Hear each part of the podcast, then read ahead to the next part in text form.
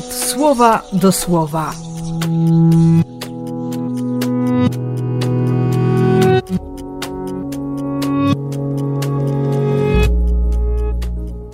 Piętnasty grudnia, czwartek.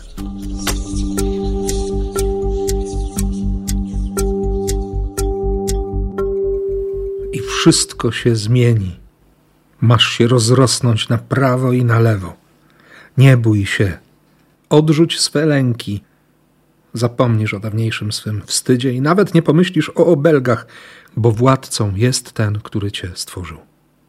Bo góry mogą się przesunąć i twe pagórki zmienić swe miejsce, ale moje miłosierdzie dla ciebie nie osłabnie, ani przymierze pokoju zawarte z tobą nie zmieni się. Pan tak powiedział: Jestem ci życzliwy. Komentarz właściwie nie jest potrzebny, bo wszystko zostało powiedziane przez Boga. Nadzieja, przywrócenie godności, sens życia, wszystko. Z nim naprawdę można być szczęśliwym człowiekiem.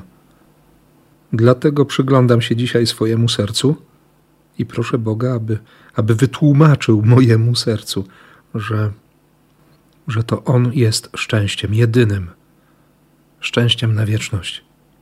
Bo jakikolwiek bym nie był i cokolwiek bym nie zrobił, to On będzie kochał. To Jego miłosierdzie nie osłabnie.